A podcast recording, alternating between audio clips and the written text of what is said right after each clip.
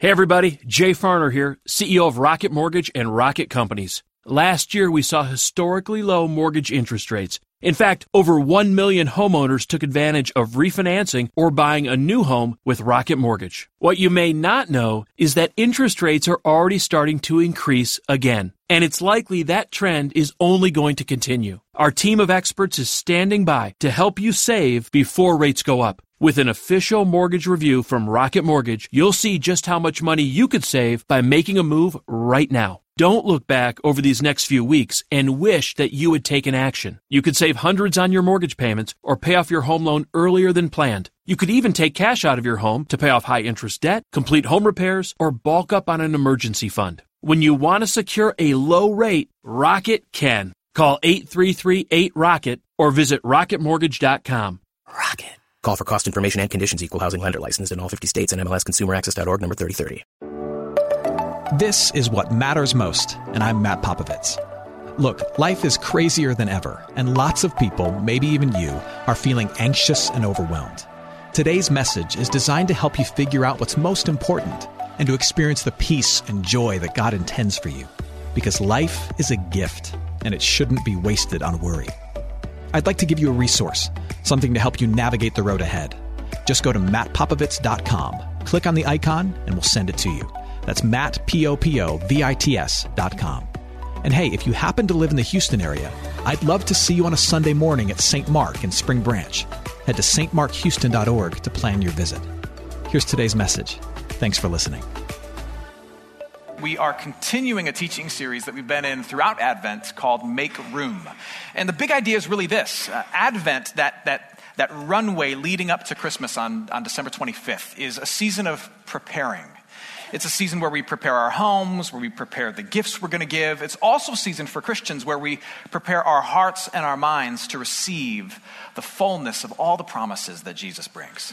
We kind of get ready to appreciate him and his birth on Christmas Day. And so, throughout this month, we've been talking about all the things that Jesus brings and how we can prepare our heart and mind to truly appreciate them. And today, we continue that conversation by talking about the promise of joy that Jesus brings with him in his birth. Make room for joy. Everyone thinks that joy is a good thing to have. Everyone thinks that, that, that a deep, abiding sense of peace and happiness is something that we should strive for. No one is really against that. Everyone is pro joy in this world. Now, where we differ is on how we find that joy and where that joy comes from. And that's what we're going to talk about this morning. Uh, the text that's going to guide our way is an Old Testament text from uh, the prophet Isaiah, chapter 9. We're going to be looking at verses 2 and 3. This is Isaiah speaking. He says, The people who walked in darkness have seen a great light. Now, he's speaking in past tense, but you have to understand the context here. He's, he's talking about a future thing that hasn't happened, he's, he's predicting the future. The people who walked in darkness have seen a great light. Those who dwelt in a land of deep darkness, on them light has shone. You, this is reference to God, you have multiplied the nation of your people. You have increased its joy. They rejoice before you as with joy at the harvest, as they are glad when they divide the spoil. These words, as we've talked about in the past, were written about 730 or so years prior to the birth of Jesus Christ in Bethlehem. And it was written to a world where, where God's people, the Israelites, were in a, uh, a chaotic and sad state. In fact, the entire world was really chaotic and, and kind of sad, like the checkout line at Target over the next few days. It, it was not the kind of place you wanted to be or spend much time. And so God sends this man named Isaiah to come and to promise things to his people that, that in essence, things will get better someday.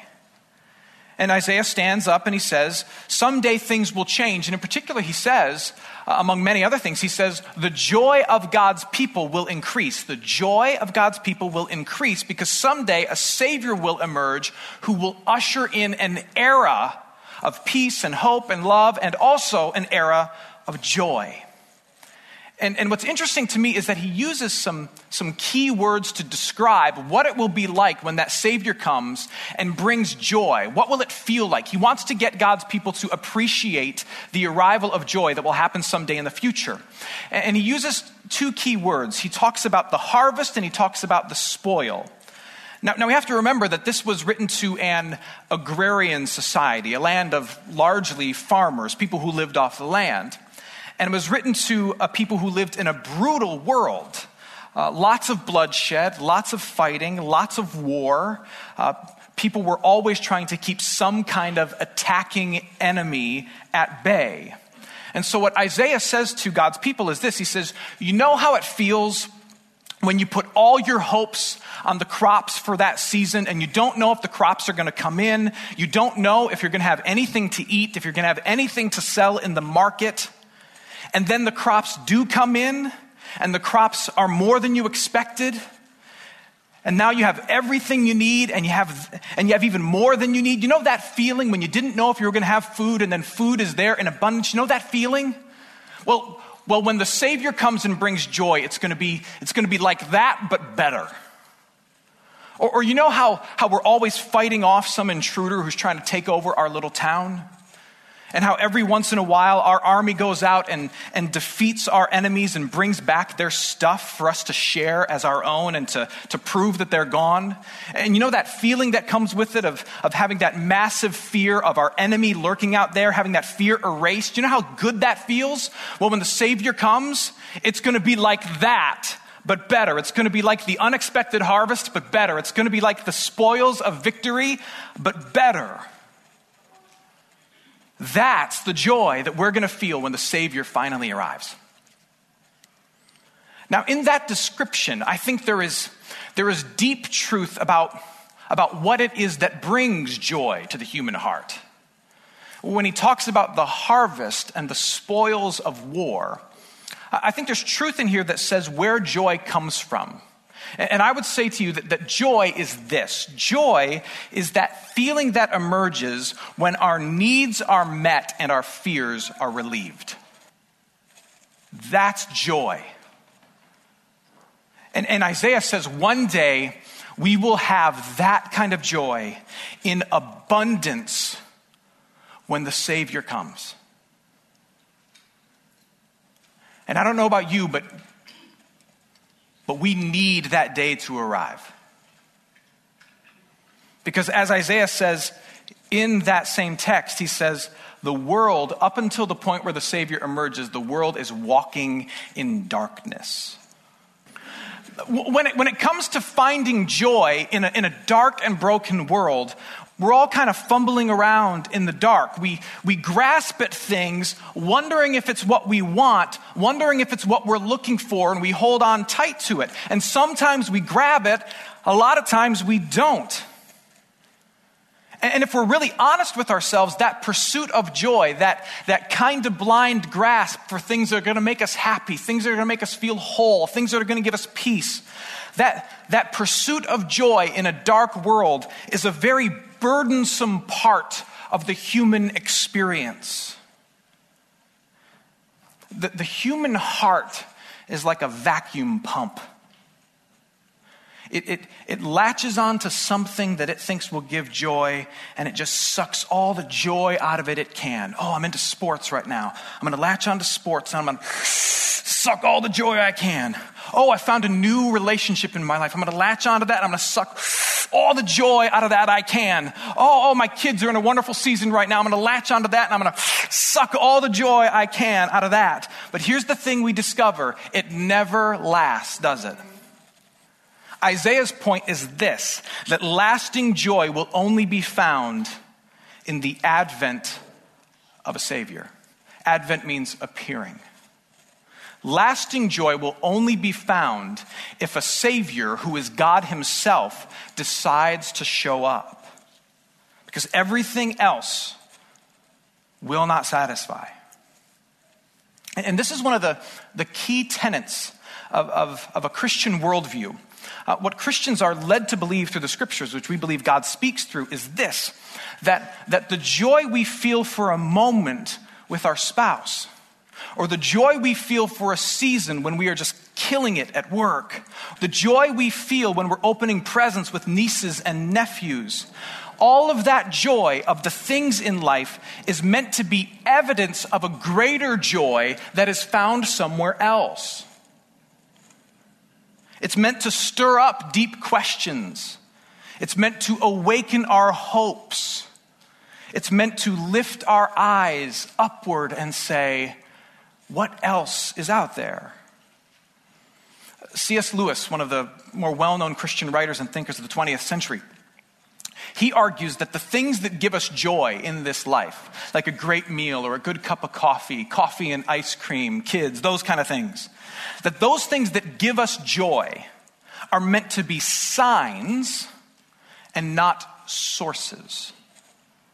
They're meant to be signs that point us to something bigger. The things that give us joy are meant to point us to an ultimate happiness, not be our happiness. I love how he puts it here. This is so poetic and beautiful. For the things we grasp are not the thing itself. Let me read that again. For the things we grasp are not the thing itself. They are only the scent of a flower we have not yet found, the echo of a tune we have not fully heard, news from a country we're yet to visit.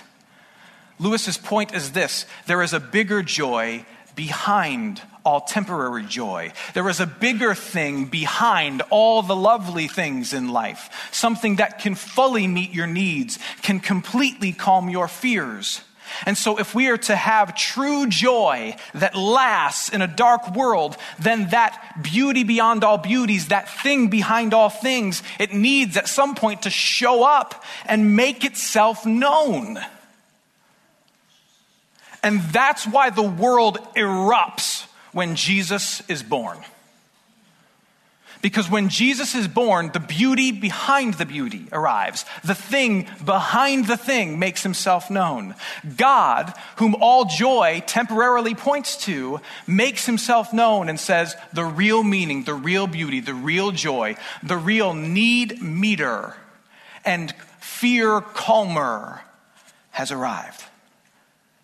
Listen how the New Testament writers, thousands of years after Isaiah, describe Jesus. They borrow the language of Isaiah to prove that Jesus is the one Isaiah was talking about. Listen to this John chapter 1, verse 5. It says, The light of Jesus shines in the darkness. Sound familiar? The light of Jesus shines in the darkness, and the darkness has not overcome it. 2 Corinthians chapter 4. For God, who said, Let light shine out of darkness, has shone in our hearts to give the light of the knowledge of the glory of God in the face of Jesus Christ. If Jesus is who he says he is, then we are no longer fumbling around in the darkness trying to get dressed for joy. If Jesus is who he says he is, then what it means is the lights are on and we can see who it is we really need. We can see what it is we really want. It's God and he's made himself known and real joy has finally arrived. That's why the world erupts when Jesus comes. Hey friends, it's Matt. Christmas Eve is almost here. If you don't yet have a place to worship, I invite you to join me at St. Mark Houston. You can worship with us in person on Christmas Eve at one of four services, or you can worship with us online. We have a special celebration streaming every hour on Christmas Eve. To catch the live stream or for more info on worshiping in person, head to htxchristmas.com. That's htxchristmas.com. Now back to today's program. And now you may ask yourself, well, what kind of joy does Jesus bring? If we keep reading in Isaiah, down to Isaiah chapter, chapter 9, verse 4, he says this of the coming Savior, who was Jesus. For the yoke of his burden, talking about the people of Israel, for the yoke of God's uh, of his burden, the people of Israel, and the staff for his shoulder, the rod of his oppressor, you, the Savior, have broken. We read that again. The yoke of his burden, staff for his shoulder, the rod of his oppressor, you, the Savior, have broken.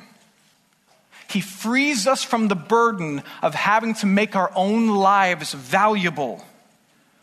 And He gives us the one thing that truly matters He gives us Himself and His love and His mercy and His grace and His forgiveness.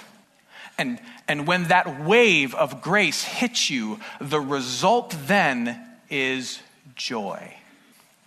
It's hard to describe the joy that comes with Jesus.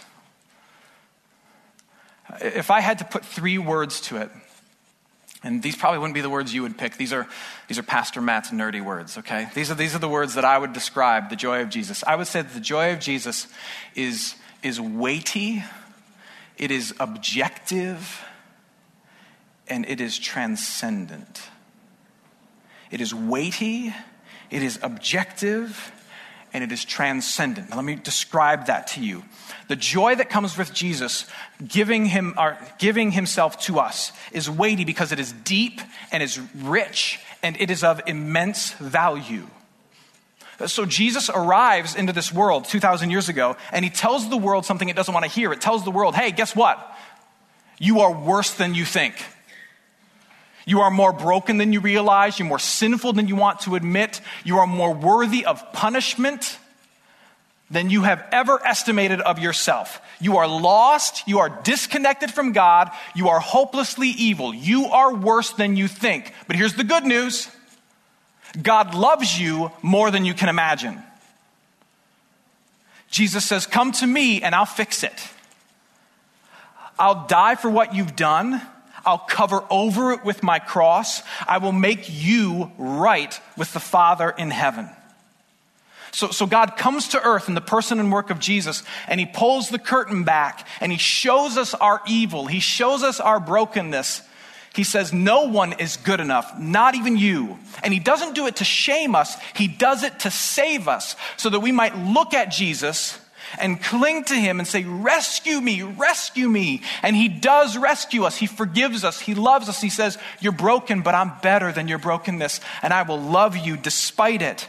And, and it stirs up massive joy in us. Why? Because now we know just how much God loves us. You don't know the heights of God's love till you know the depths of your need. Uh, think of it like this Imagine a friend sends you a card for Christmas and they say, Hey, Merry Christmas. In celebration of Jesus' birth, I paid one of your bills for you. How thankful would you be? You'd be thankful, but, but it depends on which bill they paid, right? I mean, if they paid your cable bill, it's like, oh, well, wow. Well, thank you. If you find out that they paid your entire student loan bill, that's what I'm talking about, right? It's weightier, right? It has more substance and more value. Jesus gives us that kind of joy because through his saving work, he's accomplished something of more value, of more worth than we could ever manufacture on our own, ever. He gives us a joy that is objective. Here's what I mean by that the, the joy that we're able to manufacture for a moment by going to a museum or hugging our kids, it is deeply tied to our emotions. And it's tied to how we feel in a moment. And you and I both know that, that our joy sways back and forth tied to our emotions. But God, in His mercy, He has, he has, he has anchored our joy. He has anchored our joy to things that are outside of our hearts. He's anchored our joy, our forgiveness of sin, our acceptance in His family. He's anchored our joy to stuff that are outside of our hearts. So that no matter how you feel when you wake up tomorrow morning, no matter how you feel, Jesus is coming back. And all the things He guarantees for you forgiveness of sins, acceptance in God's family, the gift of His Spirit to uphold you every single day those promises are still yours because even if your emotions go down in the tank, He still is who He said He was and would be. It's objective. God loves you, and no matter how you feel, you can't change it. Jesus gives us a joy that is transcendent. Here's what I mean by that it is bigger than the problems of this world. It is a joy that says to you, the best is yet to come. The promise of Jesus is this horrible things will happen here, but here is not the end. Let me say that again to you. Horrible things will happen here. Did you watch the news yesterday? But here is not the end. What he's won for you, forgiveness of sin, acceptance in God's family, cannot be stolen from you. and eternity in his presence and in his home, even if death gets you, cannot be taken from you. What he gives you is a joy that is transcendent. It's a joy that is bigger than what happens here on this earth. It's a joy that can endure because it's a joy that says to you, no matter what happens to you, you have a place in God's family in eternity. That's what's coming. And when we know what's coming, we can better handle what's happening. When we know what's coming, I belong to the Father who rescued me through his Son here into eternity. When we know what's coming, we can handle what's happening. We have a joy that is transcendent. And when we take these things together and we pile them together in front of us like a kid who just got, just got a bunch of presents from grandma, when we take the fact that, that my joy is weighty, I'm forgiven and accepted, he paid off my school debt when I have a joy that's objective, no matter how I feel, I have this gift of God. When we have this joy that's transcendent, that says, God has a future for me that's bigger than the problems of this world. When we take all these things together and we look at what we've won, we look at our spoil, we look at our harvest, what we discover is this Christ really has broken the burden. My greatest needs are met. I'm accepted by the only one who matters. My greatest fears are relieved. I will not be held accountable for the horrible person I am. And I will reign forever with the one who made this world and the new world he makes at the return of Christ. I, I am whole. And so, even though there will be seasons where I have tears in my eyes or worries in my heart, I still have joy because I have seen Jesus.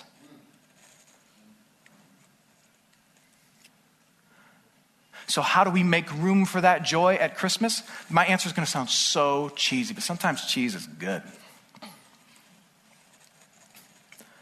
We make room for the joy that Jesus brings by trying to put him at the center of our celebration if we are followers of Jesus. Because when we, when we put Christ, who is the joy, when, we kind of put him at the center, when we embrace him, when we worship him, when we thank him, the true joy that we have in him emerges and it comes to the center. What's ironic is that we tend to crowd out Christ in our search for joy more at Christmas than any other time of the year. We are so desperate to have like the perfect Pinterest Christmas, like the perfect joyful Christmas. Like we want our, our life to match our cards that we sent to our family. We're so obsessed with having a joyful experience that we crowd it out with presents and moments and parties and pictures that we obscure our, obscure our view of the joy giver himself. And so, what followers of Jesus Christ, what we do with, with repentant hearts, we, we must be brutally honest and we must say to ourselves, I will refuse to be distracted by things that aren't the thing. I will refuse this Christmas to hold on to signs more than I hold on to the destination they point to. I will find ways for Jesus to come to the forefront and all else to take just a step back. What might that look like for you? There are very few things in this world that, that everyone is in favor of. It's hard for me to believe that there are people in this world who don't think The Big Bang Theory is the funniest show on television. It's hard for me to believe that there are people who don't like stuffed crust pizza. What's wrong with you? But everybody is pro joy. Everybody is in favor of deep, abiding happiness. Where we differ is in how to find it. My prayer for us as a church family is the same prayer that I'm praying for my family is that, is that together we would be like the wise men in the story of Jesus, that we would relentlessly follow the star. They relentlessly followed the star. They were sent on a journey that by some estimates took months, and yet all they knew was that there was this bright light out there that was worth following. And they said, I'm going to follow the light. They kept pressing until they arrived at Jesus. I want the same heart, that I won't stop at the signs. I will follow the signs, the inklings of joy, the glimpses of joy, until I see the joy behind the joy, Jesus Christ. They discovered that the search for something greater was so worth it. We close with these words Matthew 2, a description of the wise men. When they saw the star pointing toward Bethlehem, here's the key they rejoiced exceedingly with great joy.